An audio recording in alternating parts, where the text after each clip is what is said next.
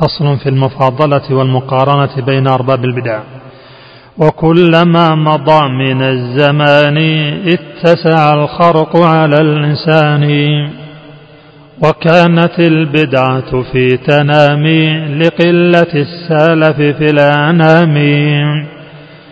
فالجهم قد ربى على المعتزلين في شره وفي الضلال الحاصل.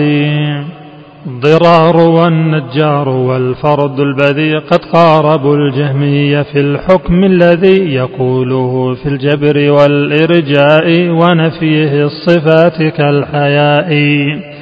والأشعري والكلب من هؤلاء أفضل في الصفات عند النبلاء. والكرمي يقول في الإيمان يكفيه أن ينطق باللسان.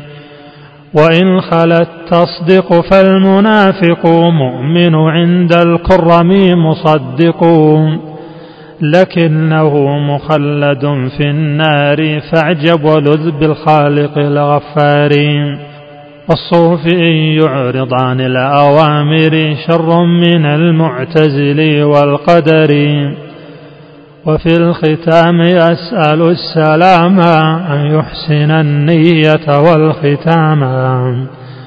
والحمد لله الذي أعانا لولاه ما كان الذي قد كان.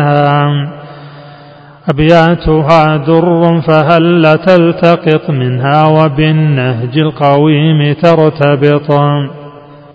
يسعدنا تلقي ملاحظاتك واقتراحاتك حول هذه المادة مع ملاحظة وجود اختلاف في النسخ المطبوعة.